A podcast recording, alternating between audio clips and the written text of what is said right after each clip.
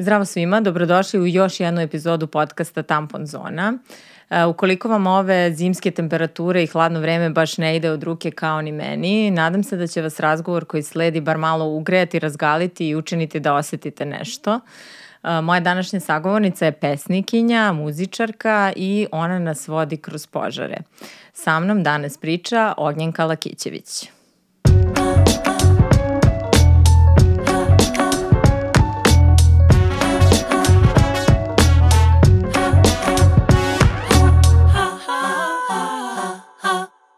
Ognjenka, dobrodošla. Moje prvo pitanje je kako podnosiš zimu? Znam da ne voliš isto koliko i ja. I poslednji put kad smo pričale, nismo uživo, ali sam, te, e, sam ti pisala povodom nekog teksta gde spisateljica govore o svom omiljenom letu ili nekog, nekom letu koje je na njih ostavilo neki poseban utisak. Tako da te priče, rado se vrlo prisjećam tog teksta i svakog leta i svega, jer mi ova zima jedva je preživljavam. Ne znam kako je sa tobom. e, pa malo mi je lakše. Postalo mi je, ne, ne znam šta se desilo, ovaj, ali ja pa sam krenula da priželjkujem sneg. Ove, ne mogu da verujem, misli da, dobro. Ne, bukvalno, e, to me, to me skoro svako pita. Od do snega pita. Da, idemo. Da, da, i, i mnogo sam volila, po, počele su nešto, ne znam da sam možda, možda starim, možda umirem, ne znam, ali počelo je leto da mi postaje naporno onih 50 stepeni, ono u čemu sam uživala kao, ja zamišljena sam negde u Africi, ležim u ležaljci, ne, sad ne, ne uživam toliko, um, ne uživam ni u ovome, mm. uh, ali kad je bio one COVID izolacija, uh, i te prve zime sam onako šetala noću, u stvari kupila sam dugačku jaknu. I mislim da je to bio game changer i krenula sam da se vakcinišem protiv gripa i da ga nemam. Ove, I to me spasilo. Pa kao mogu sad, nekako ubeđujem sebe da je okej. Okay. Da, da. ne znam, meni dalje nije okej okay, i dalje mi zima jako dugo traje, ali moram da priznam ja da mi je nekako podnošljivija kad padne sneg. Uh mhm. -huh. Malo je dekorativno. Ovo sad mi je nek, baš, imaš neku vrstu, neke idile, znaš, iskonstruišeš neki, neke uslove u kojima kao uživaš ušuškanost, neka nešto, ovo da. mi je totalno kao samo hladnoća koja kao pir između kostiju i ja da čekam da spavam i to je to i malo pre sam i tebi rekla da mi je, sam imala jako naporan dan i da mi je drago što sam večeras baš s tobom ovde. Uh, reci mi, uh, sad pre nego što krenemo pričamo i o poeziji i o nekim sad drugim stvarima koje su vezane direktno za tebe.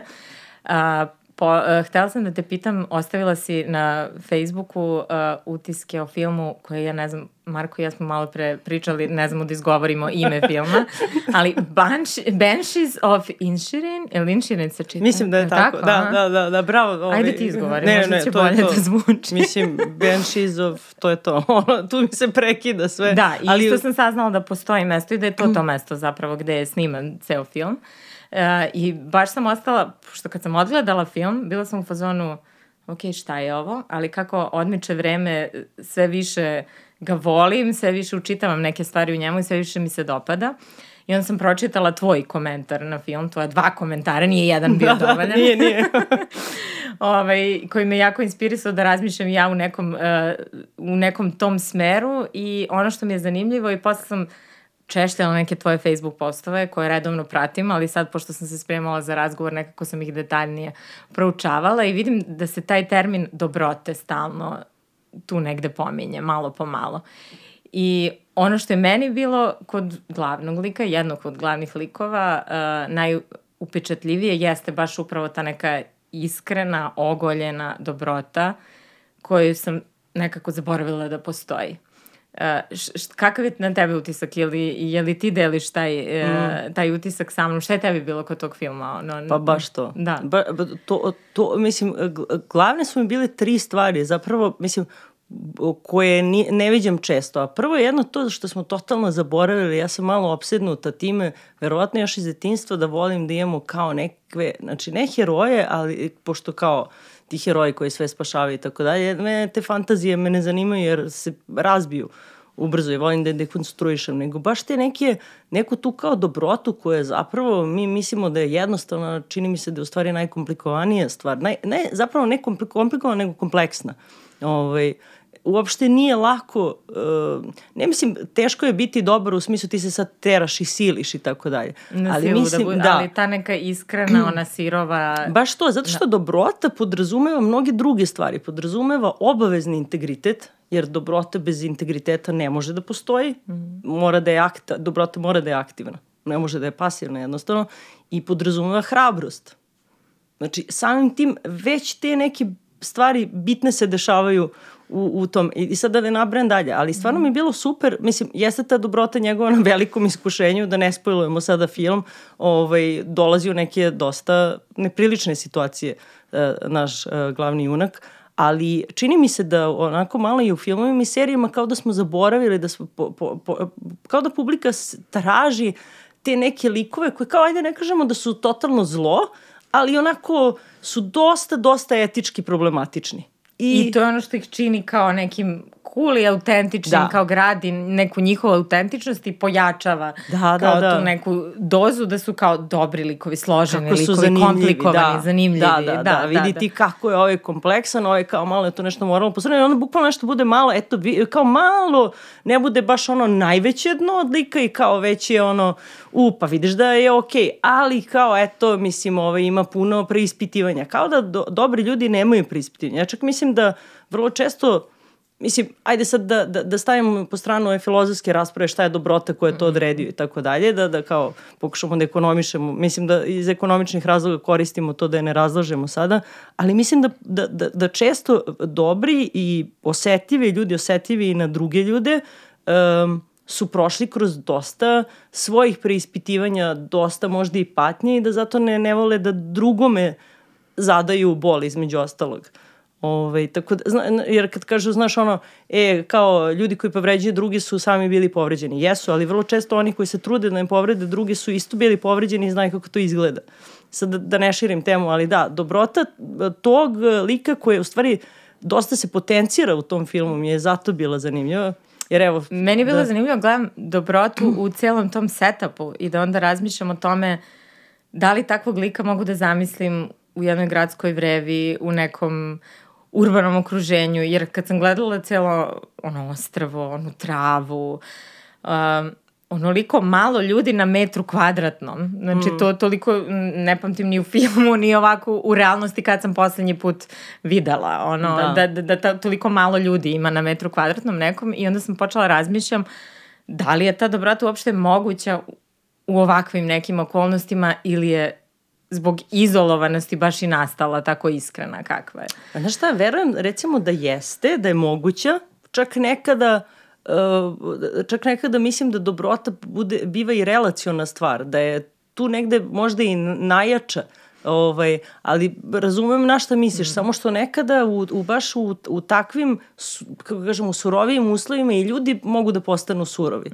I zato je to druga tema koja mi je bila fascinantna, taj odnos prema životinjama. E, ljudi e, na selu, e, samo da naglasim da sam ja ogroman fan sela, baš zato što ga nisam imala kao mala mm. i onda sam sad krenula sve da nadoknađujem, ovaj, da imaju nekada suroviji odnos prema životinjama, a u stvari kao da se dele na dve grupe. Da. Jedni oni koji su jako zahvalni životinjama jer zahvaljujući njima preživljavaju i ovi drugi koji su jednostavno u fazonu uh, da nemaju tu, tu, tu, tu vrstu odnosa. A ovo je, ovaj odnos ovde u filmu je potpuno bio Da, dirljiv. za one koji nisu gledali, dakle ovde životinje, ja bukvalno ne znam da li na kraju onim kredicima potpisane, da li su životinje, jer meni je genijalno, jer su one jednako jednaki likovi kao i sami ljudi. Da. I, I taj tretman toga mi se jako dopao i svi ti kadrovi u kojima je on sa, kako se zove? Jenny. Jenny, da. da ovaj, ti bukvalno vidiš nju kao jednaku ulogu uh, sa čovekom i ovaj, skoro sam naletala baš na neko istraživanje, poručila sam knjigu, ne znam da li si videla možda Marija Branković sa da, FMK. Da, eno mi je knjiga da. pored uzglavlja. Ja sam je da. naručila, čekam da mi stigne i čekam da zovem Mariju u podcast obavezno da pričamo o tome. Zove se Psihologija Da, odnosa, odnosa ljudi. ljudi i ostalih životinja, da. da, fenomenalan naslov i koja baš govori o tome na koji način uopšte percipiramo životinje, koliko, zašto toliko umanjujemo njihovu moć i razmišljanja i osjećanja i svega, tako da ja to čekam da čitam i drago mi je da se pojavio taj narativ, a zapravo pojavio se sada kad vidim da ne, sa azilima i danas su bili neki protesti u gradu da su u azilima u Beogradu neki katastrofalni uslovi i sve što se dešava. Da, po celoj Srbiji ovaj, i da nema tih volontera koji su, koji su stvarno ono, heroji, ali u bukvalnom ovaj, smislu reči, da nema njih, mi to ne bismo ni saznali. Mm. Budući da očigledno institucije toliko ne rade svoj posao, ovaj, toliko je surovosti i nehumanosti. Mislim, ono je stvarno, ne teško gledati nekom ko voli životinje. Mislim da to neko ko pogleda sa malo pažnje, to jednostavno, mislim, ja redko koristim to, ali to nije normalno. Mislim, mm -hmm. to je stvarno to da mi mislimo da imamo prava da tretiramo životinje samo zato što smo kao viša vrsta, mm. umesto da nam je u stvari da je, da je neupitna datost da mi posjedujemo životinje i da smemo tako da ih tretiramo. To je apsolutno skandalozno. I divno je što si pomenula tu knjigu. Ja sam je otvorila u autobusu, pošto u posljednje vreme idem u autobusu na posao jer nemam gde da se parkiram i počela sam da plačem momentalno kako sam krenula da čitam. Uh, mislim, baš sam zahvalna što postoji takva knjiga i što nauka je zapravo podržala ono što sve vreme mislim. E, da, i meni je drago što je to izašlo u formatu jednog istraživanja i kao mm. jednog fakulteta koji je kao izdao tako nešto. Da. I, mislim, videla sam da se bavi odnosima, uh, kako, tre, kako se odnosimo prema kućnim ljubimcima, odnos uopšte taj kućni ljubimac. Kao, meni je ta reč kao kućni ljubim, ljubimac. da. da. to je još naš najbezazleniji deo. Imaš one što kao stavljaju rančiće kučićima, teraju da hodaju na dve noge i kao pravim neke kikice, on to fotkaju i to je za lajkove. Mm. Znaš, mislim, meni je to neka vrsta oduzimanja dostojanstva životinji, mm. iako je to još najblaži uh, oblik uh, oduzimanja dostojanstva i, i zapravo lošeg tretmana životinje. Da, šta je sve prisutno. Da. Uh, jel si tebi, šta ti se dopalo u ovom filmu kad je ta, to pojavljivanje životinja u svrhu ne glumaca, nego cele priče. Mislim da oni, one tu zaista igraju jednu važnu ulogu u celom da. filmu. Mislim, ta vrsta nekakve iskonske potpune nevinosti i krotkosti, pitomosti, smirenosti i kako zapravo, mislim, one na neki način uh, samo daju, a mi zapravo samo uzimamo. Na ne, mislim, on se trudi da daje i, i on mm. i to je ono što je lepo i ona nekako kontejnuje njegovu tugu u nedostatku drugih ljudskih bića i zato često spočitavaju ljudima koji vole životinje kako su oni sve tu nešto zamenili i kako eto oni su Jeste, tako usamljeni. Jeste, stalno ima da im to. to kao nešto nedostaje, neka ljudske ljubavi pa će kao da je zamene nekom nižog, nižeg ranga ili ne znam da. ja šta već. Ja sam mislim, vidi u svim grupacijama imaš raznih ovaj, kako bih rekla, uh, onako, ne baš skroz uh, ok ljudi, pa na raznim komentarima ovaj, raznih udruženja, tamo svašta ispliva neki mm. komentari, ali imaš svuda, evo malo pre emisije mm. pričali, imaš svuda totalnih ludaka koji pišu neke po, mislim, u najmanju ruku nesuvisli komentara, da ne kažem da dosta govori o, o njihovom stanju. Ali, ovaj, e, ja ne znam ni jednu osobu koja voli životinje, a koja mrzi ljude. Uh, a to što se neko kao više zalaže za životinje nego za ljudi, zato što je pronašao neku nišu, ok, ovi se zalažu nešto za neka ljudska prava, a i čekaj, neko mora i za životinje. A ne možeš baš sve da pokriješ.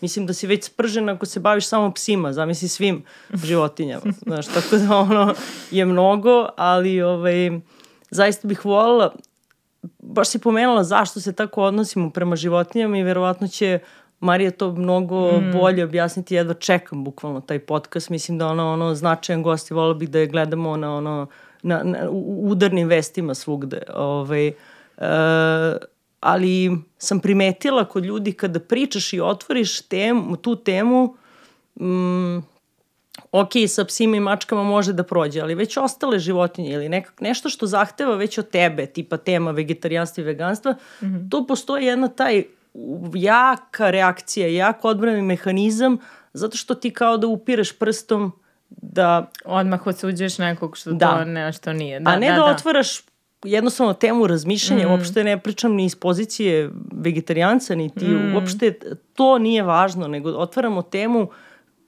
celokupnog Nekog tretmana. prostora za razmišljanje Da. i za preispitivanje nekih određenih praksi koje su predugo Baš to, prisutne. jer da. mi smo navikli nekako, sećaš se ono kada smo bili mali, mislim kao sećaš se ti, ja kao da smo zajedno odrasli, ali kada smo bili mali, e, verujem da mnogi imaju sećanju kao neko dođe, popne se na drvo, sruši gnezdo neke Mhm. ptice, znaš, kao tamo nek, neka jaja se raspadnu i tako dalje. Ti si čoveče njima razrušio dom. Nama je to bilo prirodno kao malima. Mislim, ja sam bukvalno bila u fazonu, dragi dnevniče, kao danas sam prisustvovala tome, ta ptica je gradila tu kuću, kao Da. neko im je ra razrušio dom. Zamisli tebi neko dođe. I mi sad umesto da štitimo da, i da učimo decu da štite slabije, Da, ja se sećam ja kad sam bila mala i ja sam odrasla u Jagodini i tamo je bila ona mečka i povodac, mislim to je bila kao najnormalnija pojava, mislim koju sam ja viđala svakodnevno kad se vraćam iz škole. Mm. I kao s jedne strane bilo mi je, kao bila sam mala, bilo mi je zanimljivo što vidim medveda, ali kao vidim da tu nešto nije u redu, mislim. Da, da, da, da, da. I tek posle kad porasteš, ono kao, uh, shvataš šta, Šta stoji iza desilo, toga, i iza da. cirkusa, iza zooloških vrtova i tako dalje. Da, pomenula si malo pre tu osetljivost i to je stvarno jedna od uh, glavnih temi sa kojom sam htela da- danas sa topom da pričam, a to je, na primjer, ja lično kad sam se susretala sa tim epitetom preosetljiva, osetljiva, uh, sad imam potpuno jedan nedavno mi se desilo, nije čak ni toliko daleko kao to. Kad sam shvatila šta preosetljiva zapravo znači, kao šta jesam, a šta je ono što su mi kao kad su mi govorili šta su mislili. Onda sam shvatila da me nervira što je to preosetljivo. Nije došlo do mene da sam ja rekla ja sam preosetljiva i ja znam šta to znači, nego je došlo kao ti si preosetljiva i to se odnosilo na sasvim nešto drugo. Znači na nešto ono, uh, ne znam, kada uh, kada si stidljiv ili kad nešto lako planeš, uznemirete neke manje stvari, ne znam ja šta sve. Onda kad sam shvatila šta zapravo ta moja preosetljivost podrazumeva da je to potpuno druga neka sfera, a ne ono što ti kao ljudi etiketiraju i šta to znači. I ta osetljivost se često vezuje za žene, kao O da. što si osetljiva, ovo ono. Ovaj, uh, šta tebi znači taj termin i kad si shvatila? Meni je ja- jako bilo zanimljivo, pročitala sam da si negde e, rekla kad su se svi igrali sa loptom, ovaj, ja sam se kao, mene je bolalo što svi udaraju tu loptu. Da. I ja sam tad shvatila kao pa to je to. Da, da, imala sam bukvalno kao odjednom kao neka spoznaja, se desi napad, kao pre toga se igram i ja i samo u jednom trenutku Mislim da je to dosta po, poistovećivanje tako i sa neživim predmetima i sa životinjama, smeštanje ranjivosti u, u, u, u, na druga mesta.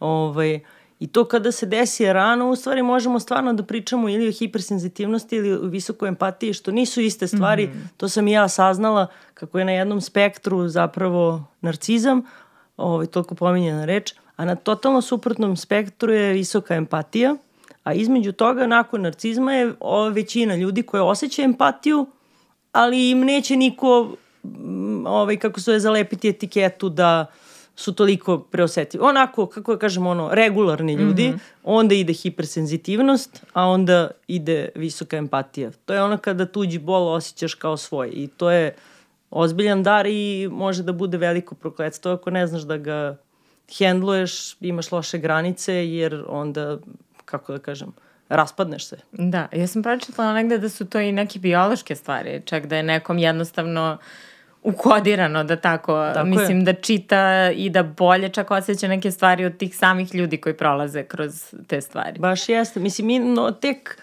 čini mi se da poslednjih decenija se priča uopšte o neurodiverzitetu, jer mi imamo jedan standard uh, neurološki kakav je neko. Da ne kažem da je cela naša kultura potpuno izbegavajućeg tipa. Znači, uključuje i nekakvu vrstu uzdržanosti, uh, ne previše pokazivanja emocija, jer to nekako, posebno da ne pričam oštećenja za muškarce, mislim, na tu temu ka kako su napravljena. Da, to mi je jako zanimljivo i to uh, volim što si stalno uh, pominjala koliko je patrijarhat zapravo oštećuje i muškarci i koliko je iza njih štetan. I mislim da je to da. jako važno da pričamo o tome jer uh, mislim je to jedno polje na kojem isto treba da se deluje. Ja, apsolutno, apsolutno se slažem. Hoću samo, samo da ti kažem ovo, mm -hmm. pošto si ovaj, ta očigledno uh, hipersenzitivnost, da, dešava se i po rođenju i nekada nekakve okolnosti određene ne pomognu mm -hmm. da se to umanji, nego zapravo prodube da ne kažem određene nekakve traume, jer često, ali čak i roditelji koji ne znaju dobro da pristupe i ne prepoznaju na vreme da je to, nego i oni na neki način malo možda ne sramote, ali kao su fazonu dobro, dobro. Kao da uguše stvari, jednostavno da, to, a ne da... Urade da. one emotional bypassing, ne znam kako bismo sad to ovaj, preveli, ne mogu ovaj, mm -hmm. u mhm. trenutku, u svakom slučaju zabilaze recimo uh, sedenje sa tim emocijama, jer je i njima verovatno previše i njih često triggeraju ako nisu proradili i onda neko zabilaze i de, dete se osjeća jako izolovanim. Uh, ovaj, kako se zove, i visoke empate i hipersenzitivni, šta god, mislim, nije sad toliko bitna razlika koliko uh, to osjećanje izolovanosti. Uh, pa, navodno, visoko senzitivni ljudi uh, mogu da uh, brže, se, brže budu pre, preplavljeni. Mm -hmm. Uh, visoke empate recimo ne moraju i češće mogu da budu i ekstrovertni, dok uh, visoko, visoko senzitivni ljudi su uglavnom introverti, tako bar kažu ovi tekstovi koje sam čitala i kao neki radovi. Nisam sigurna e, kako se zove, ne mogu da se pozovem na neki mm -hmm. naučni rad, ali mogu ti pošaljem ovaj, te stvari odakle sam ja to učila. Um, čitala šta god. Uh, kako se zove i da uh, su empate uh, ne, nekada nemaju to kao da se da budu preplavljeni, nego da još, da još, da još, ja ću sad da sve razumem i da pomognem i tako dalje, jer jednostavno tako osjećaju. Ovi nekako imaju nekakav tračak, mm -hmm. budu preplavljeni zvukovima i uh, raznim senzacijama od spolja. Empate čak uh, su u fazonu nema veze. Mm -hmm. Mogu ja to. E, zato što mnogi među njima su i ekstroverti. To ti je ono, naš introvertni ekstroverti. To sam ovaj. ja, da. da. Da, da, da, ovaj, Ili obratno, kako se da, to već kaže. Da. Ali da, E, tako da, zavisno verovatno i iskustva. Ali ti ljudi, to mi je fascinantno, Aha. ta silna empatija koju imaš, koju osjećaš ono, to kad prođeš pored ono, bandere, ono, osjećam kako se osjeća ta bandera, ali kao često nemaš tu vrstu empatije za sebe. Mhm. Mm To mi je, na primjer, da. hit. Da, da, da, da, da, da. I pa mnogo je, to je baš e, mno, zapravo mnogo često. Mm. Jer verovatno se tamo negde smešta upravo to, kao želim da pomognem drugima, a nekako kao da ne mogu sebi.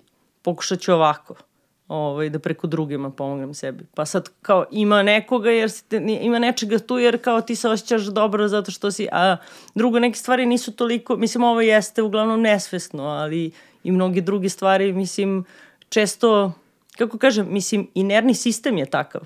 Prosto mm, treba ga poštovati, eto samo to mislim ranije, kada je neko rekao da. da, da sam nešto osetljiva, kao ja sam bila u fazonu, ma šta sam ja, kao, zvučalo je ko uvreda. Jeste, jeste, nekako i na neku, e, često se dovodilo u vezu sa nekom razmaženošću i ne znam, nekim potpuno drugim stvarima koje nemaju zapravo da. veze sa ovim šta, šta to zapravo. Ali zato što se mešaju neke stvari. Znaš, kažu ti oseti, ka, kažu za visoko reaktivne ljude da su osetljive i oni sami kažu za sebi, ali ja sam osetljiv. A to su oni koji, znaš, bukvalno im kažeš nešto najmanje, oni misle da si ih napao. Mm -hmm. ovaj, ali to ne mora nužno da znači uh, preosetljivost u tom smislu kako mi pričamo, nego samo ne prorađene traume pa da neko biva reaktivan.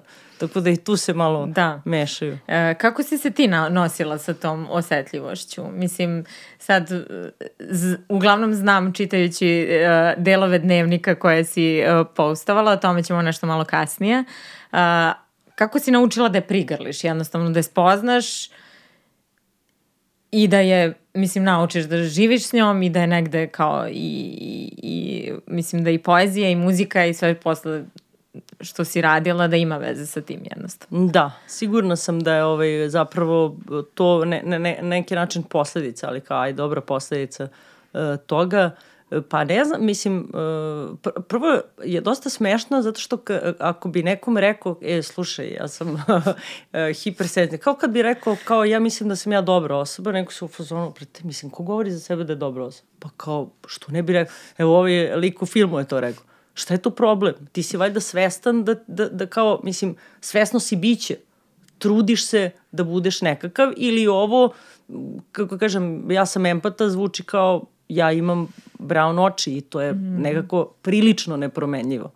Ovaj, e, ne mogu da kažem da nije bilo trenutak, zato kažem onako malo je bizar, znaš kao u fazonu, ja sam uh, jako setiva, ja sam da, empata, umetnik. Kad u da, prvom licu. Da, da. Znaš, kao, ali uh, morala sam da naučim to, to zato što sam jako dugo, uh, prvo sam se nervirala, kao šta mi sad to prebacuju kao da nešto zvučim kao neki frik, tako sam se, i tako sam se i osjećala u detinstvu u suštini. Ove, a posle sam po, posle su se razne stvari nekako dešavale da sam valjda prihvatila, ne sad u toj meri da budem ravnodušna ka tome, naravno da bih voljela da me neke stvari manje uznemire i da mogu da imam kvalitetniji san, ovaj, to, to bi me baš, to bi me baš prijelo ali, ali ne u smislu nemiran mi je san jer mi je loš savest, nego mm. zato što ako vidim nešto što mu uznemira, obsesivno mislim o tome. I onda mi kreće jedna nepravda da se lepi za drugu i ne znam onda šta da Znaš, ta nemoć te smara. Ali nikako onda nešto kao pišeš, radiš, nemam pojma, ovaj, i pokušavaš u stvari samo da to, uh, mislim, to je najveći problem zato što utiče dosta na zdravstveno stanje i to sam osetila sama na svojoj koži, ovaj, utiče na zdravstveno stanje ako uh, ne kontrolišeš to dobro. A nije lako baš kontrolisati. Da, kako si uspela da ga kontroliš? Pa nisam još ništa uspela, ovaj, kako su Uspevam beta, uvek. beta blokatori su, ovaj, to po, e, pošto je doktor rekao za preosetljivost nemam lek. Mm. Ovaj, ali treba da se skinete s, tih lekovima, s tih lekova zato što um, za srcem, jer um, je sve u redu sa srcem. Mm. Tako da Ove, ništa, evo sad skidam se, pa kao pokušam, pokušam ovaj, da, da hodam dosta. Uh, spomenula sam ove delove tvog dnevnika koje si kačila na Facebooku i sad prvo pitanje, jesu oni autentični? Jesi kao imala neke sad tu uredničke intervencije? Morala sam da izbacim neke stvari. Dobro, recimo, to da, da, ali da. nisi sad čitave rečenica neke iznova kao smišljala, to ne, su te recimo neke sam morala da izbacim ili da, na primjer, izbacim bukvalno jedna rečenica ide pa izbacim tri, ali Aha. onda ovu nalepim čisto zbog nekih ljudi možda pomenuti koji sad teško bi se prepoznala, nebitno. E, ja sam inspirisana time kad sam uh, videla da si to krenula da šeraš, pronašla svoj dnevnik i jako se razočarala jer sam bila pozorna kako je Ognjenka cool, kako je bila svesna nekih stvari. Ja sam krenula da listam svoj dnevnik Ja sam samo plakala za nekim dečacima tu, samo, znaš, kao, ovaj me ostavi ja ovog. Kukanje, verujem. Znači, to je, i onda sam razmišljala da se prijem za ovu tvoju novu radionicu, glad za ljubavlju kao validacija, jer se kao čitala i to je bukvalno kao da samo neko oplakivanje raskida, oplakivanje uh, ulaženja u vezu, znači ja ne znam i samo ono, samo po poglavinjama muškaraca, bukvalno kao ispisan dnevnik. I kao sam... Imala sam ja to, nisam tela staviti. da, sad mi je lakše Zato ti delujem cool. sad mi je lakše, jer sam baš bila, sam ja sad ću ja svoj dnevnik da vidim šta tu ima. I kao, toliko sam razočena, kao, le, kao, nema još, ovde nema ništa zanimljivo. Kao, da li je moguće da sam ja samo plakala sve vreme i žalila za nečim. Kao, uh, ovaj, ali mislim da, da, da je jako zanimljivo to što si uradila i uh, uopšte ti po, postovi na Facebooku, mislim ja sam ih nekako doživljavala kao da se meni obraćaš i uvek sam žela da imam tog nekog prijatelja sa kojim ću da kucam neke lepe, pametne mailove o tome kakav mi je bio dan ili ne znam šta i nikad nisam našla tog prijatelja s kojim ću, s kojim ću da razmenim te kilometarske mailove i onda su mi tvoji postovi to došli, znaš kao. Skuvam kafu, čitam, čitam i komentare kod tebe i to sam primetila da uh, koliko je zanimljiv sam post i sama tvoj neki osvrt na neku svakodnevnu radnju, stvar koja ti se desila, toliko su zanimljivi ljudi i načine koji ih inspirišeš da oni dalje razgovaraju o tim temama. Ovaj, šta tebi znači taj način izražavanja i uopšte kako je počeo? Jer ja sad Mislim, stvarno nadam se da ćeš to da pretvoriš ili u neku zbirku ili u ono coming of age neki film, jer sam ja totalno to sve vizualizovala dok sam čitala. E pa, e, što se tiče tih postova na Facebooku, pa znaš, ja sam pre toga imala neki blog, ovaj, nazvan Loveless po, ovaj, uh, se, po, po New Orderu, a, a i ne znam, još po nečemu. E, da, i po albumu My Bloody Valentine. Mm -hmm. I sad mhm. kao ja sam mislila da je to tako cool ovaj, pa su ljudi svašta tamo učitavali i ja sam tamo pisala, evo, tad, tad su se prvi put pojavili blogovi, ja sam bila fazon, čekaj, ovo, izmišljeno za ja, mene. to postoji još? Ovaj, pa na šta, postoji nek, neka arhiva, ja ne znam kako se dolazi, meni bratanac ponekad pošalje, onda se smemo zajedno. Ovaj, e, to je bila čitava neka blog scena, ja uopšte ne znam, e, kako ti kažem, mislim, ja, ja sam u, u srednjoj školi ili u osnovnoj stalno volila pišem po klupi, malo olovkom postavim neki stih pesme, pa ako neku suprotno 15 meni, znaš, Nešto kao provali. E, da, da, kao da. se nekad dopisuje, znaš, ono ispod klupe mm. neko ostaje ili na tabli, kao, i tako da, jo, kao, dobijem glasilo. U stvari sve je krenulo od grupnog maila nekim prijateljima i onda sam ja videla... Znala sam da, da mail da. sa prijateljima ali koja vidiš, nisam imala. a ono, bukvalno svi u mute modu, a ja svakog, e, svake nedelje nešto izveštavam. I svi kao, nastavi, nastavi, a feedback nula. Sam bila pozorom, vi ste svi luzeri, ove, ovaj, ja ću, i vidi kao ovaj blog. I krenem ja da pišem, I baš sam pisala i bilo je komentara i stvarno mislim bilo je komentara sam debil, ali to, to sam već totalno bilo fazonom da, da li stvarno si došla to da mi kažeš ovo ili došla kogod pošto to naravno uvek pseudonimi ono, niko neće mi da ime prezime pa da ga nabodem kod čoveka ovaj, ali e, tako da e, ništa i onda je, i onda je puko taj blog Znači, postoji neka arhiva, ne znam kako ja da dođem do toga, o, ne, možda bolje da ne dolazim, ali je ošte nestao taj domen, moj blog, uh, i nekom trenutku se pojavio taj Facebook, ja kao, e, neću, svi idu na Facebook, neću ja, i čim sam ga otvorila, se, o, po, opet monstrum je krenuo nešto da objašnjava. Uh, I ne znam, ali stvarno jeste ti ljudi nekako, uh, skontala sam da u stvari bukvalno blokiram svako ko me smori, Jer to je jedino što mogu da kontrolišem, mislim.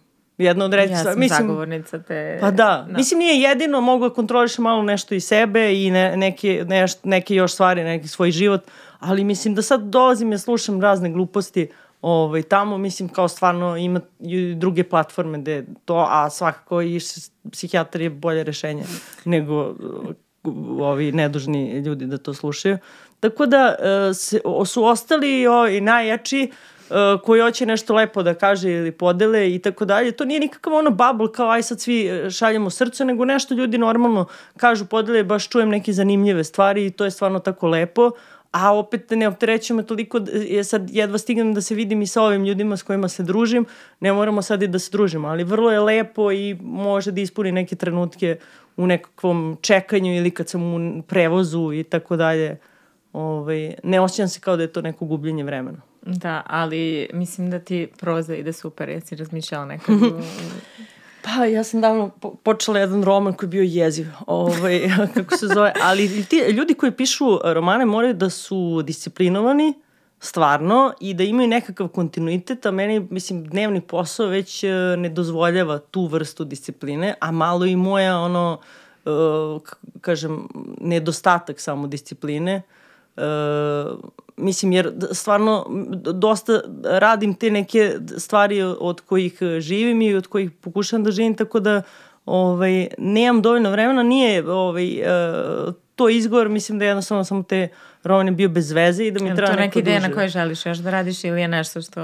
Ne, a sva, ono, baš je, baš je, baš je blamantno. Mislim, ja sam mislila da je kao... Sad me zanima. Da, ne, stvarno je ono... E, ali jednom sam ovaj, postovala, bilo davno Pametno na Facebooku. s teme, dobro. da, malo sam, ali, ali čisto kad su komentari u pitanju, mada je ovo bilo simpatično, nije uopšte bilo zlonamerno, ali ja sam postovala i kao, mislim, kao sad neki pasus iz romana i kao sam u fazonu, sad ću da zainteresujem publiku dok iščekuju moj neviđen roman, ono, na 30. sam strani već sedmu godinu i stavim ih kao, I nešto ide iz prvog lica, nešto prolazila sam juče bulevarom, ovo, i kao koment, jesi juče bila na bulevara? Ja sam u fazon, ja odušte, znači ja bukvalno moram da prestanem uopšte da sam na mrežama kamo i da pišem išta. Znači ovo je toliko loša, niko nije skonto da je ovo moje proza, kao, okej, okay, ono, sam se malo povukla na neko vreme. Ja, hit, ali mm. i dalje me zanima, ali probat ću, mislim, probat ću da, da, da, da mi otkriš to kad ugasimo kameru. Ove, ja, sad mi je palo na pamet, uh, moja mama koju pozdravljamo prilikom znam da sluša. Pozdrav. Ali one, e, tako, jako je teško i meni bilo na Facebooku odmah da se ukopčam ko, št, ko šta tu, kako radi. I sećam se da ona isto jedno vreme mislila da svi ti ljudi koji nešto šeruju ša, njoj šalju te stvari. I onda sam i ja jedno vreme pomešala šta je Messenger, šta je, onda je sam Facebook krenuo da miksuje neke stvari koje smo pri, jedno drugom slali privatno i jedno se to pojavilo negde svima dostupno i kao šta je ovo? Sine kad dolaziš na večeru u komentima. ne, to smo zabranili, anđele moji, to je strogo zabranjeno. Uh, sad pričali smo uh, o osetljivosti, o tim nekim osjećanjima i sad zanima me, pošto smo počeli priču s ovim filmom, to nije slučajno, uh, šta misliš koliko je kod ljudi prisutna ta pošto ja sad stičem utisak da jeste, uh, autocenzura osjećanja. Baš to da meni se jako dopalo kod tebe što si ti pomenula taj termin emocionalni aktivizam. Mm -hmm.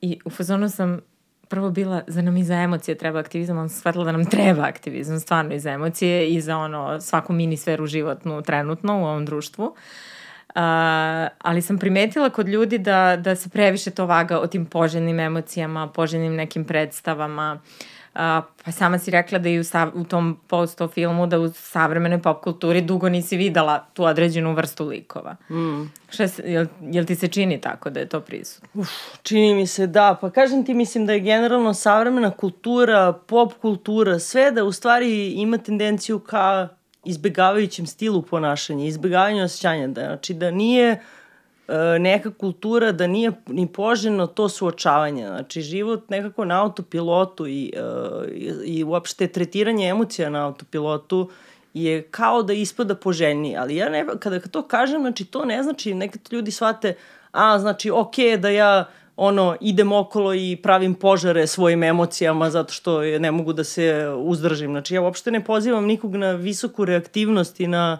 ono, uh, manijačenje, ovaj, kako sam videla, mm. odličan je taj glagol manijačiti se. Ovaj, da, e, nego e, na promišljanje. I uopšte na preispitivanje svega. Naročito to što smo dobili transgeneracijski u amanet, jer svaka neprorađena trauma roditelja posle prelazi u nesvesno deteta.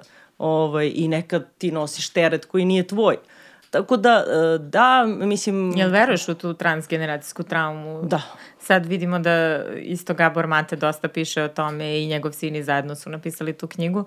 Ovaj, I vidim da dosta ljudi da se onako podelilo, mislim, ja verujem u to i stvarno kad god kao što više čitam o tome stvarno sve više nekako verujem u to. Da, da, da, da, kako ne, mislim i verujem i jednostavno mislim i naučno je potkrepljeno, mm. prosto tako je. Ovaj, um, tako da, mislim, najviše što mi mora, mislim, zapravo prvo što mi treba da uradimo je da osvestimo gomilu stvari. To jeste težak zadatak, ali, kako da kažem, svaka emocija koju imamo negde ode. To što smo mi naučili u detinstvu da blokiramo neke emocije, zato što, na primjer, nismo imali, ne znam, dovoljno podržavajuće okruženje, dovoljno hranljivo okruženje ili roditelje koji nas mnogo vole, ali ne mogu da razumeju neke stvari ili im je previše udubljivanja u, u, u naše emocije zato što, je, zato što to iziskuje i udubljivanje u sobstvene emocije koje nisu uradili taj domaći zadatak na vreme što je bilo potpuno normalizovano u ranijim generacijama roditelja ovaj, i, ili odlazak na psihoterapiju, to je stvarno bilo, mislim, ono, i sad, naravno da ti možeš da voliš svoje dete, ali i da ga oštetiš uh, podosta, uh, Ovaj, I naravno da možeš da voliš i da ne izađeš u susret nekakvim potrebama i da to ostavlja određene posledice sa kojima mi možemo ili ne moramo da se suočavamo, ali bilo bi dosta dobro, ali problem je što onda e, tebe to kontroliše. Ti si na kraju rob onoga od čega bežiš. Da, mm. ti si u jednom trenutku rekla nećemo valjda sad ceo život da lečimo uh, neke traume iz detinstva i da se bavimo prevaz, zato je važno, ja mislim, raditi na vreme na tim stvarima. Pa da, zato što, mislim, pazi, to je pitanje slobode i slobodne volje, pa, po meni. Ti vrlo teško da možeš da pričaš o slobodi ako zapravo nisi osvestio ono što Jung kaže, ako ne ostimo nesvesno, to će upravljati našim životom, mi, mi ćemo to nazivati sudbinom, mislim. Ovaj, a uh, jeste, uh, mislim da je lako nije, ali da je to put ka slobodi, uh, jeste. Ja verujem u suštini samo u takvu slobodu, jer mi možemo da budemo najveći aktivisti za razne slobode, ali ako nismo osvestili, mislim, svoje neke obrazce, svoje okidače, zašto se nešto dešava i tako dalje, ili se nešto ponavlja, ovaj, mislim da je to verovatno prvi korak ka slobodi. Ili da mislimo da imamo slobodnu volju, slobodu izbora i tako dalje, a zapravo stalno biramo nešto na autopilotu jer je naučeno i to je priča i dalje o stvarima koje smo uzeli kao neupitnu datost jer smo nešto naučili. Kao podrazumevajući. Pa da, bukvalno podrazumevajući u periodu kada smo bili previše mali da bismo mogli to kritički da preispitamo. Znači, ne u smislu, e, ovi roditelji su grozni, nego, ok, ovo možda nije moje. Da, da, i teško je nekad izbaviti se iz tog kalupa i osvestiti. Mislim da je to sad dugotrajan proces koji nema završetka. Nema, mislim, traje nema. non stop. Nema i to je super što si rekla, zato što mm. zaista nema, ljudi misle da je tamo na kraju puta nekakav završetak. Nema ga. Tvoj nervni sistem je u detinstvu već podešen na određeni način ali ti dalje neke stvari možeš da kontrolišeš, to je dobra vest, a i mozak je neuroplastičan, tako da to je super vest. Eto, malo dobrih vesti za danas. Da. Uh, pomenula si pop kulturu i sad je došao trenutak da konačno kažem zašto sam te stvarno zvala u gost. A to je da pričamo o Taylor Swift. ne, snimala sam epizodu s Bojanom Utrižević koja bila sam ubeđena da voli Taylor Swift, ali ne voli i onda mi je neko na Twitteru napisao zovi Ognjenku, Ognjenka voli Taylor. Ovaj, I uh, shvatila sam sad, toliko pričamo o toj autocenzuri, uh, osjećanja i o pop kulturi i svega, ali eto, da krenemo s nekim pozitivnim vestima. Meni je drago da u muzici, na primjer, stvarno ima uh, nekih svetlih primera koja, koji na pravi način pričaju i o tugi i o raskidu i o nekim tim životnim okolnostima koje često uh, uh, svedočimo nekim upakovanim izdanjima, ono, ukalupljenim. Da. Zato je meni Taylor Swift, na primjer, genijalna. Isto i Lana Del Rey, tu možemo da se složimo ili ne. Dosta. Nju nisam toliko pratila. Ali voliš Taylor. Da. Taylor Novi album, ti se sviđa? Sviđa mi se, mnogo mi se sviđa mm. i ona mi je super i drago mi je što si pomenula nju.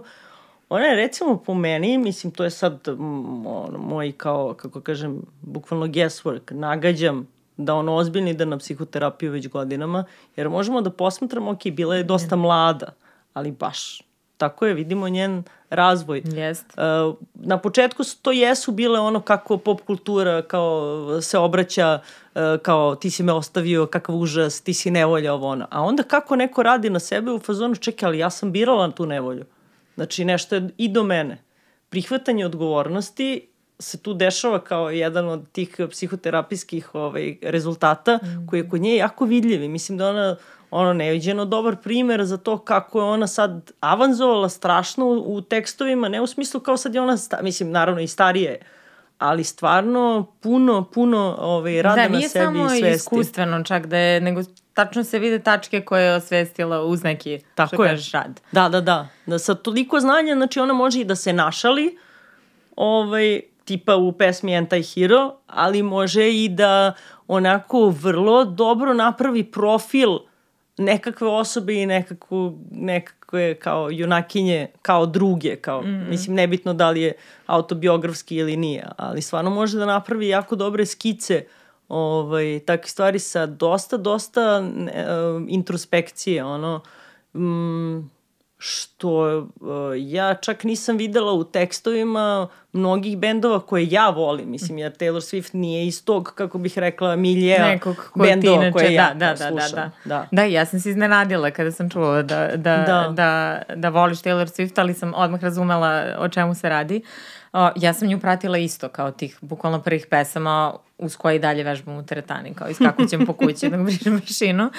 Ali ova poslednja dva albuma mislim, meni su to stvarno ono ozbiljni neki iskoraci u mhm. muzici mm. i iako kao ljudi da etiketiraju, znaš, shvataju kao neka tu Taylor Swift koja tu skakuće i peva nešto tralala bez da poslušaju, a ovi albumi stvarno svedoče nečemu sasvim drugačije. Da, da, da, da. Mislim da i muzički dobro sad i ona može da bira saradnika koju hoće, ali mislim, hoću da kažem mogli da zabere nešto bez veze, a nije. Ima prilično, mislim, dosta je ona pametna stvarno. Mislim, negde mislim da prilično talentovane su meni to to mi je stvarno, ok, vrlo pristojna mainstream muzika, ono, više nego pristojna. Mm. Ne znam za bolju mainstream muziku, mada nije baš da sad ja kao sam neki ekspert, ono, veze nemam s mozgom, stvarno u, u tome, ali slučajno jedna pesma još, čini mi se Blank Space, neka četiri, mm. pet albuma unazad gde se ona zapravo poigrala sa svojim imidžom u medijima, ovaj, gde su je stalno zapravo optuživali kako to ne može da održi vezu, kako je ne znam šta i tako dalje. I onda je krenula se zeza sa tim. Ovaj, I to je bilo dosta onako inteligentno. Ovaj, za nekog tako mladog, mladog čini mi da. se da može tako da se odmakne i da se, da se našali na to, ali da, da vidiš u stvari i da je malo ljuta. Mhm. Mm Jeste, to, nisam gledala dokumentarac recimo, mm. jesi gledala mm -hmm. ti? Jesi. Ovaj, znam da je imala to sa producentom, sa neke probleme i mislim čitala sam samo i kao to, sad imaš tekstove po internetu, da li je Taylor Swift feministička ikona ili nije, ono. Ali svakako uh, baš ta neka evolucija njenog lika je meni nešto što je najfascinantnije. Jeste. Mislim da stvarno može dosta, da je dobar primjer, dakle može nešto i da se nauči. U smislu, eto, kao, možemo da imamo nekog ko je tako popularan i, i, i bogat, znači, jako živi u drugačijim uslovima od nas, ne možemo ni da zamislimo kakvim, samo da. razmišljam kakav li ona studio ima. Sad sam čula da režira film, inače, e... i to sa nekim ko super producentom, ne znam ništa.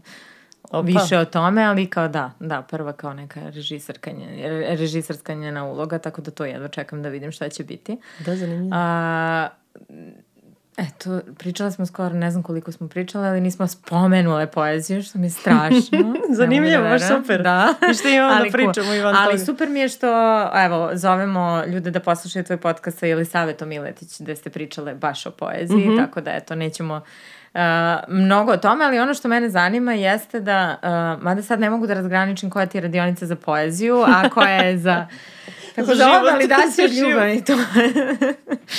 Ovaj, ali ti te radionice poezije baš dugo radiš već. Koliko mm -hmm. ima? Sigurno više od 8-9 godina. Pa da, od 2014. to koliko je, da. Ovaj, samo što su sad na pauzi. Aha. ne mogu, mislim, ne mogu da to sad, ovaj, da se da, ovaj, pokušavam u ovome, ovaj, sad to šta radim, tome se skroz posvetim i onda je sad to na pauzi. Ali dosta dugo sam radila, da. Isprava stvarno sam bila u fazonu, mislim, ko dakle, meni ta ideja u stvari nije bila ni moja, nego Ambrozića iz Doma omladine i tamo i počela. Ovaj, I onda je nekako bilo lepo, čini mi se, i hranljivo za obe strane, mada je glupo pričati o tome kako je drugim ljudima, ali tako je bar djelovalo. Ovaj, I eto, da. Kako ti je bilo na tim, mislim, kao upoznaješ neke ljude koje nemaš pojma ni ko su, ni šta su, i to koliko sam skapirala nisu nužno ljudi koji žele da se bave poezijom, kao nekim svojim poslom, nego jednostavno kao dođu tu i su osetili da je neko mhm. prijateljsko okruženje i sam taj setup koji si ti postavila da stvarno može da se prijavi kogod želi. Da. Im je davao neku sigurnost i ne znam, koga si se upoznavala, šta si ti od tih ljudi saznavala? Hmm, pa svašta. Ovaj, mnogo mi je bilo to zanimljivo. Mislim, zanimljivo mi je u stvari najviše da posmatram ljude kako, kako nekako napreduju, kako sami neke stvari ovaj, razumeju usput, kako, mislim, kako kažem, neke svesno usvajaš neke stvari jer su neke tehničke, a neke tako nesvesno ovaj, kupiš i kako se međusobni utice i zato je to zanimljivo i zato je mnogo zanimljivije. Pitalo me par ljudi da li radim jedan na jedan. Mm -hmm. Mislim, ne, Ovaj, uh, zato što je mnogo više dobiješ od grupe. Uh, kreću da se mešaju uticaji razni, pa je onda, znaš, kroz samo komentarisanje tuđih pesama ti uviđaš i neke stvari kod sebe. Mislim, ništa sad novo nisam rekla, jednostavno tako i funkcioniše ovaj, to, ali lepo je i kako se, kako onako bivaju zainteresovane za poeziju i tako dalje. Naravno, oni koji baš se nekako ono najozbiljnije prime i koji su disciplinovani, oni i opstanu u tome i budu ljudi koji objavljuju zbirke, neki odustanu, ne pišu, neki povremeno i tako dalje. Ali taj sad već deo ne može da ima veze sa mnom. Ja sam da, naravno ne. uvek bila u fazonu, ok, vola bi da postanem unutrašnji glas koji vas stalno tera, ali teško je, ne, svakodnevica često bude izgovor da... Da, a ove radionice sad što radiš? Ajde, konačno objasni šta se, e, o čemu se tu radi. super, sad je to super, baš me mnogo me opseda, mnogo me opseda zato što uh, Uh, stalno se preispitujem da li ono, je to ikom korisno, da li, znaš, ono, osluškujem, pitam, znaš, čeka mi da i oni kažu i tako dalje. Ovaj, pa delo je zanimljivo, već smo razmenili ono milion mailova umeđu vremenu.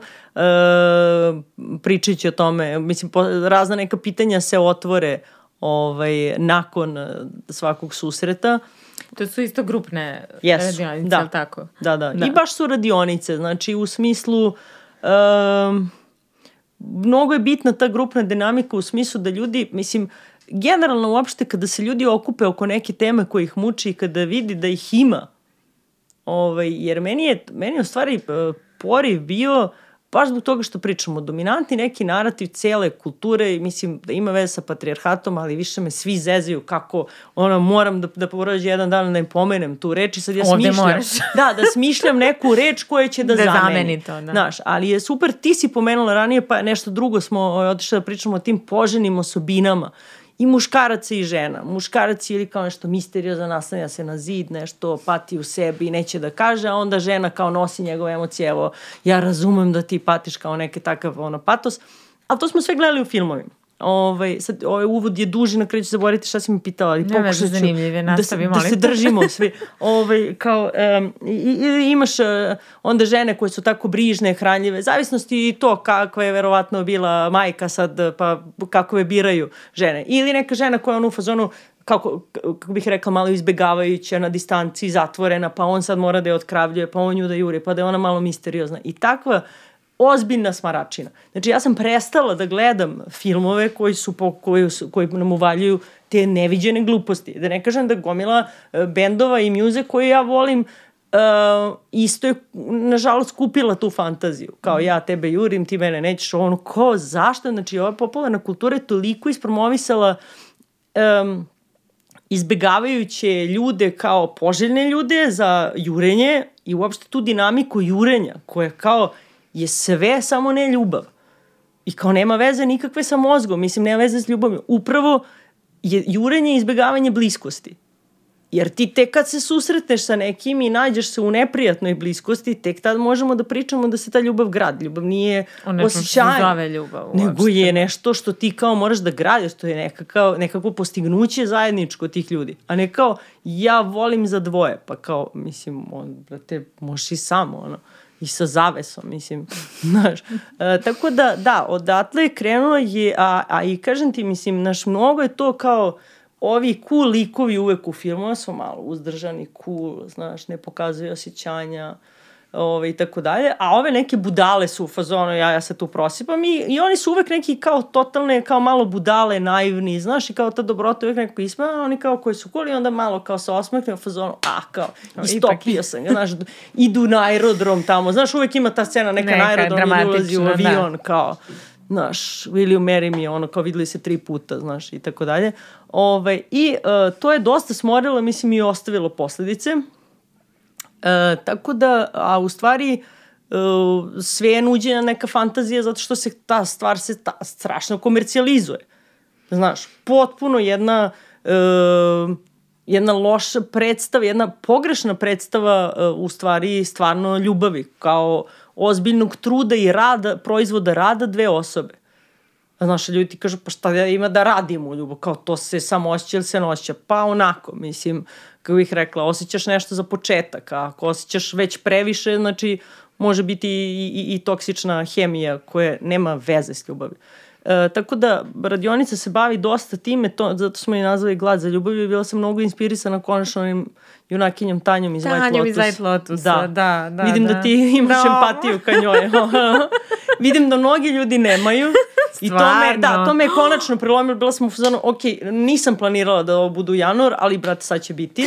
Pa kao u fazonu, um, ono, žena smara, naporna je, kao i tako dalje. Stvarno, Da, ja ona sam skandalizovana, sad ne mogu da verujem. Šta, Da nije- Takve reakcije ljudi, da. Nisi to primetila? Nisam, ali Pa nisam... kao s- duhovita je uh, Jennifer Coolidge, Coolidge, da. ali lik sam je u Tanje. fazonu, a, malo je cringe. Kao, okej, cringe je, ali u odnosu na ove kao cool likove, koji su stalno nešto manipulatori, proračunati i tako dalje. Mislim, i ona manipuliše dosta nesvesno. Da, ali nekako ta njena infantilnost i ta neka zarobljenost, ne znam, u, u nekim njenim traumima i problemima koje kao ona ima, Jest. na kraju je rezultirala svim time kao što i ona postala možda malo manipulator, kao najmanje od svih njih tamo. Apsolutno, znači ona je jedina osoba koja nije nikome učinila ništa zapravo nažao. E, mislim, ona jest imala onaj ispad sa onom uh, maserkom s kojim je trebalo... U prvoj sezoni, da, da, da. Ali šta se desilo? Upoznala je muškarca. Mm -hmm. Eto ti glad za ljubavlju. Upoznala je muškarca i onda se odrekla svega, zato što je bila toliko gladna da sve dobije i nije mogla uopšte da se posveti sebi. I to ti je negde zapravo i definicija šta je to. Znači ona imala, kako smo otkrili o njoj, uh, nekakvu ranu traumu emocionalne deprivacije koju je posle kasnijim iskustvima sa muškarcima održavala. Oni su bukvalno hranili tu njenu traumu i ona zajedno sa njima, birajući ih takve, Tako nesvesno, baš, da. neke od koje će dobijati mrvice kao što je dobijala očigledno od svog oca koji je bio neki hladan čovjek, ne, ne mogu da se setim tačno da li je i nešto i bio uh, grub prema njima. Da, nešto je bilo, da, znam da je, ne mogu da se da, konkretno da li je bilo neke situacije koje, da. Kao klasika neka ovaj, deprivacija, a, a, a majka ju je spremala da bude kao oblačile kao lutku. Mislim, i prosto napravljena je još jedna od tih uh, čestih osobina češće žena da budu people pleaseri, mm. da samo budu tako fine, da kao mnogo se ne bune jer kao to smara i tako dalje. O. Da, jel te kraj iznervirao? Nećemo da spojlujemo, mada da, ako do sad niste on gledali. pa mislim, znaš šta, ja sam bila u fazonu, ok, ja sam rekla ako se, ono, desi to što se desilo na kraju, ja stvarno odustajem, znači, iznervirao me. mislim, ja iskreno baš sam se iznervirala, jer kao, uh, ne znam, tamo ono gomila nekih budala od onih likova. Mislim, ja bar gledam da li bi se družila sa ovom osobom, ne bi, znači, svi su totalno, mm. ono, emocionalno, potpuno, e, kako kažem, opustošeni. Mislim, i ona je na neki svoj način. Ona je bar recimo onoj svoje asistentkinje praznoglava i davala dobre savete. Samo što nima kapacitet da čuje, ali dobro. Kako si našla u njoj nešto, vidiš, ja uopšte nisam na te sad, kao na njen odnos prema toj obratila pažnju. Da, ali ona je neka... davala neke savete dok joj, ja sam bila kreš šokiran, u stvari ne, da spojlovaću, neću, neću ti van emisije, znači ono mi iznervači, svi su mi iznervirali, upozorila sam, znaš, može neki drugi kraj, još ono da biraš, kao kad smo bili mali. Interaktivno, ono kao, da, da, da, da, Black Mirror je imao nešto, sećam se da biraš kao scenu, kako ćeš da se završi, da, u užas, ja nisam mogla da verujem da je to da. kraj, ali dobro. Da. Ali uh, generalno mislim da je ljubav kao tema dosta skrajnuta iz uh, nekih razgovora i analitičkih i političkih i da je dosta onako uh, umanjujemo potencijal te teme smatrajući je nečim podrazumevajućim perifernim i ne znam ja čime, a mislim da je jako bitan segment za dalje ljudski razvoj, stvarno. Da. Pa da, mi, ja mislim da je to možda i, ovaj, kako kažem, jedna od najvažnijih, mislim, to u kom će smeru ići kao i kako će se razvijeti neka ljubav, mislim, jedna od najdefinišućih ono, stvari u, u našim životima. Ovaj, ne kažem da je obavezna mm. i sasvim znam ljude koji su onako, nemaju nešto taj segment u svom životu, ali za, evo vraćamo se na početak. Zašto sam između ostalog oduševljena ovim filmom, čiji naziv i dalje ne možemo da izgovorimo i neka ga zove nazivamo tako. Zato što je to film o prijateljstvu, ali film jeste o ljubavi. Mi jeste, stalno mislimo ka, to. Nije samo romantična ljubav. Tako je. I stalno postoji taj moment te komercijalizacije ljubavi. Pritom ono, ta ljubav koju su oni komercijalizovali, sve samo ne ljubav, ali oni se mnogo vole, a ne mogu da se gledaju. Kao, mislim, daj, nemoj, molim te da, da, da, da mi to prodaješ, stvarno. Um, I ovo me je fasciniralo zato što konačno nema nikakve romantične ljubavi u filmu. Niko nije pokušao to da komercijalizuje, a film je zanimljiv. Priča o prijateljstvu, zamisli, znači postoji ljubav i na taj način i prema životinjama, prema prijatelju, prema drvetu. Znaš, kao, nije sve romantična ljubav. Mi smo mnogo uh, mnogo, mnogo čudne predstave o toj ljubavi, ovaj, kako se zove, postoje, ono, i vrlo, e, po meni, lenje i traljave. Znaš, ako ćemo pričamo o ljubavi, ono, treba pričati o tome i kako je to težak rad i ozbiljna empatija i ostalo, kao, a ne sve kao, mi smo se skontali na keca i sve je super, ono. Ove, ili ne možemo da živimo jedno bez drugog, kao a sve je užasno. Da, tom radu se uh, ne priča. Mislim, eventualno se nekad pomene, znaš, ono, u ljubavi je potreban kompromis. Da, I da, tu da. se sve završi. kompromis znaš, ono. tako što žena neće da iritira muškarca. kao, ok. Uh, još jedna tema koju sam htela da pomenemo je da se vratim na dnevnike. Ovaj, uh, dosta, nekoliko beleški tih sam pročitala da si, uh, uh, gde si pisala o telu, o svom doživljaju svog tela u to vreme. Uh, zašto ti je bilo važno da, da, da prikažeš uopšte? Na koji način si razmišljala i na koji način sad razmišljaš uopšte mm. o tome? Pa bilo mi je u st- stvari, zato što sam pomislila možda će neko to da čita i kao značit će mu. Ako, posebno ako nemaš taj, uh, mislim, sam imala dosta onako, uh, taj odnos prema telu me je naučio nekim stvarima za kasnije, odnosno morala sam da se bavim mnogo sobom kao ličnošću, jer sam mislila, videla rano da, mislim da sam ja zaključila, leba neće biti od ovog mog izgleda. Ja sam bila tako mršava, izgledala kao dečak, odem na kiosk, kupim Mike Valmana, kao izvoli dečko, pa sam zvala, znači, ono, ovo je previše. Ove, I onda sam bukvalno to zapisivala, stvarno mi je bilo jasno, ne, neću se ja leba najesti od ovog izgleda, moram nešto ja drugo radim. I onda, znaš, išla je tako, to su neki highlighti tog odnosa. Ja sam se osjećala kao da zapravo mnogo je čudno to osjećanje. Vrlo sam, do, pisala sam o njemu zato što nekad mi se i dalje javi uh, mm. podsjeti me na nešto, bukvalno kao jao, čekaj na šta me on poći, jao da, tada kada uđem u prostorije, svi gledaju mene onako kao da ih nešto vređam. Znaš, bukvalno onako malo mi neprijatno što sam uopšte tu, jer kao, znaš, svi onako ne mogu da ne skrenu pogled kad to i mršavost.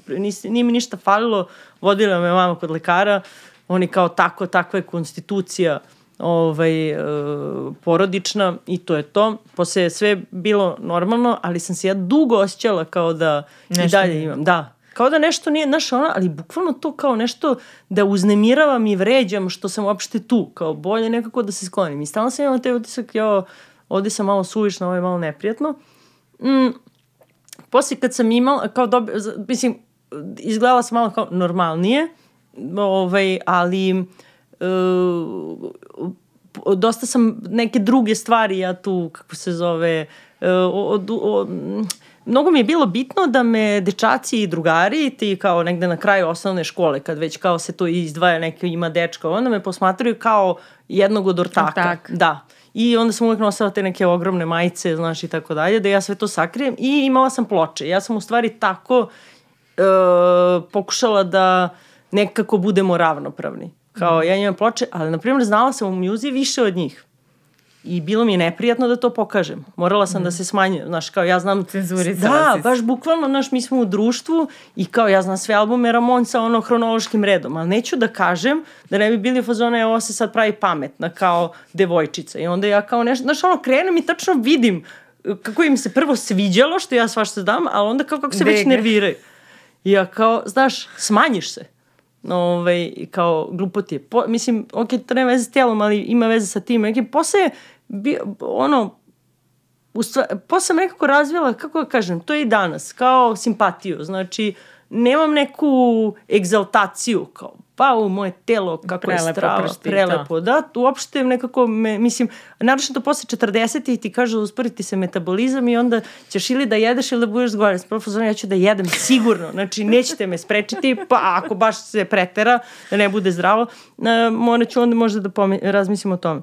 Ali imala sam dosta nekih zdravstvenih problema u vezi uh, sa nervom ovaj, nekim i tad sam osetila bol od 21. godine kakav nikad nisam pomislila da je moguć. Uh, ono, bukvalno kreneš da ludiš. Ne, ne, nemaš ni jedan trenutak mira mesecima, ni jedan trenutak kad te manje boli, ništa, ništa. Znači, doslovno ne možeš ništa da, totalno si izolova, ne možeš ni da pričaš sa ljudima, sve vreme se mm. preznojavaš, muka ti je, povraćaš jer te boli. I tad sam na kraju stvari shvatila koliko poštujem telo.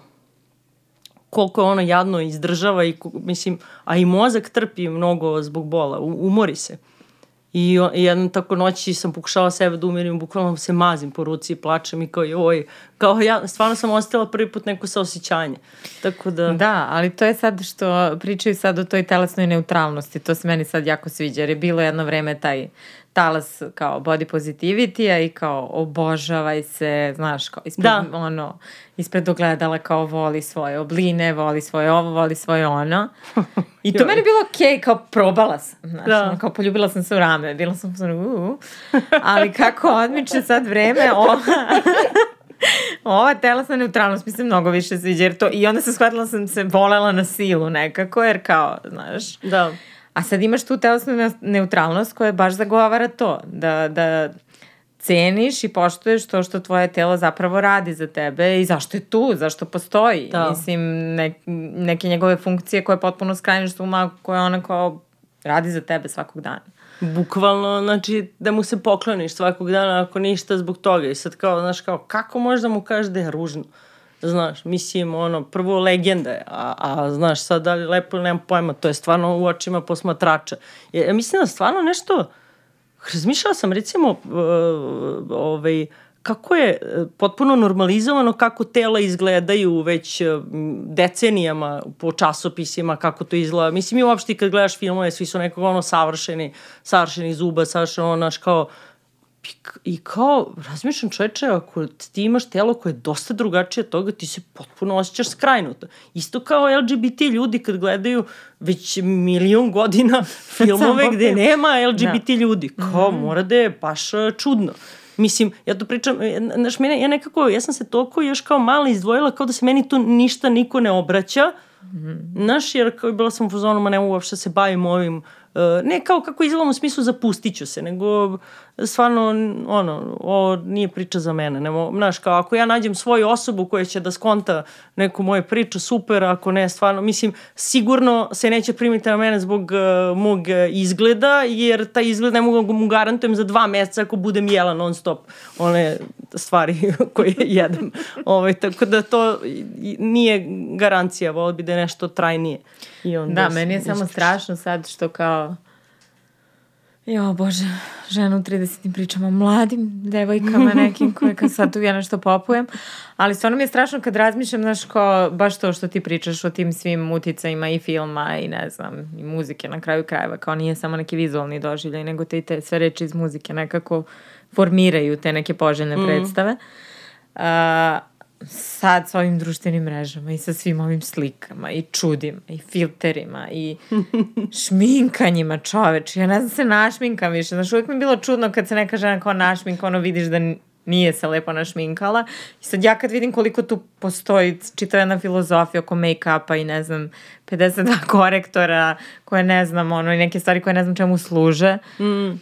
koliko ti pritisci jačaju. Jeste, i znaš šta, ja sam primetila uh, Ja par puta sam to komentarisala i bukvalno neki ljudi su bili fazonu, e, ovo nije okej, okay, nije feministički da ti to komentarišeš, svako ima pravo radi, sam bio fazonu, pa nisam vam skratila pravo. Jeste, ne, smeta, ja sam naravno meni okej, okay, znaš. Ali svako. meni to više smeta zato što je to kao, kako ti kažem, mislim, to je nekako na neki nesvestan način ulagivanje i dalje zahtevan patrijarhata. Kako ti da izgledaš nešto što lepše? Prate, uzmi čite knjigu, nemam pojma, mislim, ono, u, čini mi se da u tome moć. Uopšte ne zagovaram da neko nužno mora sad da, da, da, da, da fura namerno ovaj, neki monstrumski izgled. Mm. Ali stvarno mi nekako onako malo ne znam, ono...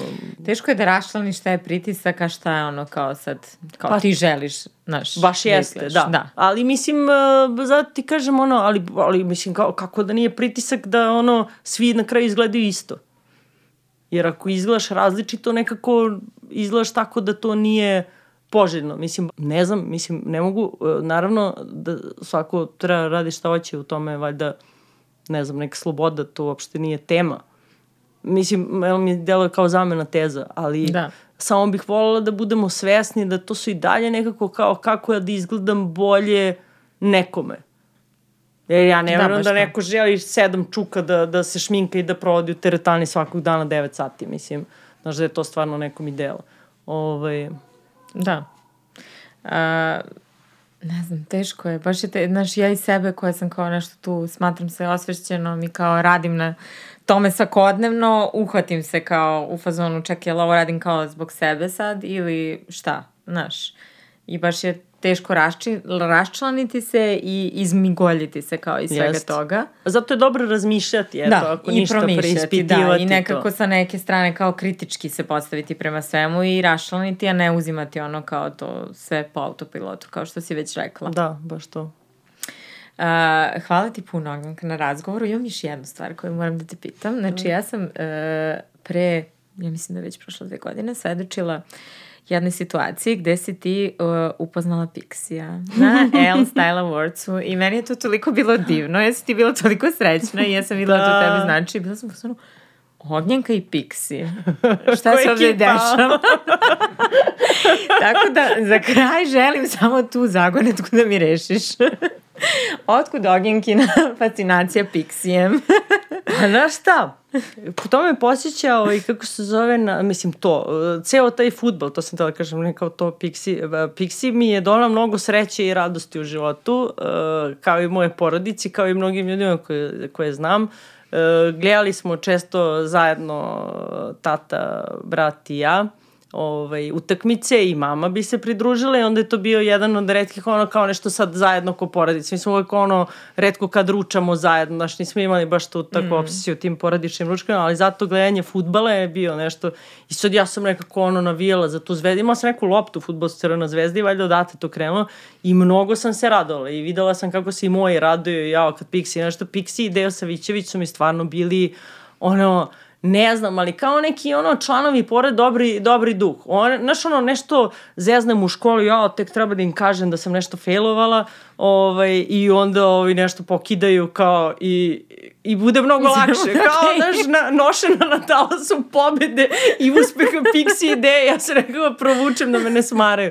Tako da ovaj, baš sam ih uh, gotivila, ali nekako su mi ostali ovaj, mm, ostali su mi kao neki, neki good guys, nema veze, možda je to neka kao projekcija moja, ali ostali su mi neki dobri likovi. I upoznala si ga na kraju slikala da. se s njim. Da.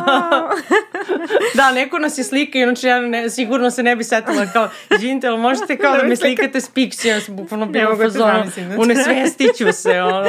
da, strava, super. Da. I za kraj jedno pitanje koje sam iz tvog kopija izvukla. Uh -huh. A to je uh, kako failovati, a da se ne uznemiriš? Nikako. Ovi, uh, šalim se, pa ne, znaš šta, ja nekako mislim da treba, teško je, teško je, ali treba stvarno ovaj, razgraničiti šta su bitne stvari. Uh, ja nekako mislim, poučena raznim, uglavnom lošim iskustvima, da je zdravlje najbitnije. Zvučim stvarno kao baba, ali ovaj, ponekad se tako i osjećam. Uh, iz bebe sam prešla u babu ovaj, i da, mislim, nema ništa što može da se meri sa, sa zdravljem. Ostaje to kao da li neko živi zdravi, taj kvalitet života, mm, nekako mislim da je preveliki luksuz i trošenje sobstvenih resursa i to kao nekako dobri međuljudski odnosi, takve neke stvari. Inače, stvarno da, da ne, mislim, uh, ono, uspeh je stvarno relativna kategorija i ne znam, nekako možda ne treba se previše opterećivati ovaj, time. Nekako, ne mislim ono kao, e sad da jeste svakog dana, ne znam, avokado, nije dobro jeste svakog dana avokado, to sam ovaj, trebao, pošto je, pa mastan je, ovaj, pa onda bi trebalo, ne znam koliko puta nedeljno, ovaj, ali ne, ne pratite me za ove savete, ono, uh, kako se zove. Ognjenka food blogerka. da, da, to se neće desiti, ali kako se zove, mislim da su to neke stvari koje su vredne uh, trošenja i, i, i brige. Ovo sve ostalo, kako da kažemo, ono, how to win by losing, mislim, ništa. Naučiš da, da je život stvarno često niz poraza i mm, učiš kako da se nosiš sa tim, ne, uh, postati ravnodušan je, mislim, jezivo i ne znam kako se to radi, um, ali nekako čini mi se da, ono, ja uvijek pitam sebe da li je ovo stvarno važno. Jesmo zdravi? Znaš, kad mi neko kaže imam lošu vest, ja samo pitam jesu, jesu svi zdravi. Ostalo, mislim to kao, znaš, nije bilo nikakve saobraćajke, nije bilo ništa. E, onda mislim da, je, da, da vest nije toliko loša. Možda kažeš mala nevolja. Nevoljica neka. Da, sve ostalo je, ide u, u, u tom folderu. E, da li radiš na nekoj novoj zbirci?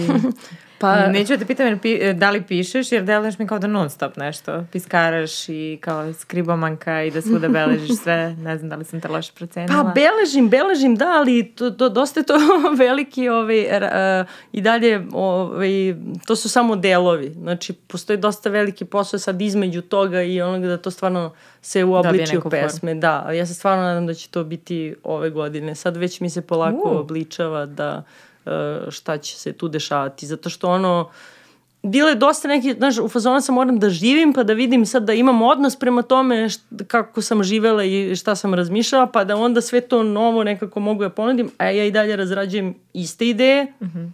pa nekako i novo i isto na neki drugi način, ne znam. Jel imaš to da sa vremenskim otklonom moraš nešto da pročitaš, kao da ga ostaviš ono u tegli da odleži i onda Da mu pa, se vratiš i sa neke druge, kao da ga pročitaš ili vidiš. Treba da prođe malo test toga, da. ovaj, kako se zove. Da, nije, nije loše. Mislim, ne treba da se ubajati, jer ipak postoji neki trenutak kada je to aktualno. Mm. Mislim, znaš, ako je pet godina, ja ću to prevazići.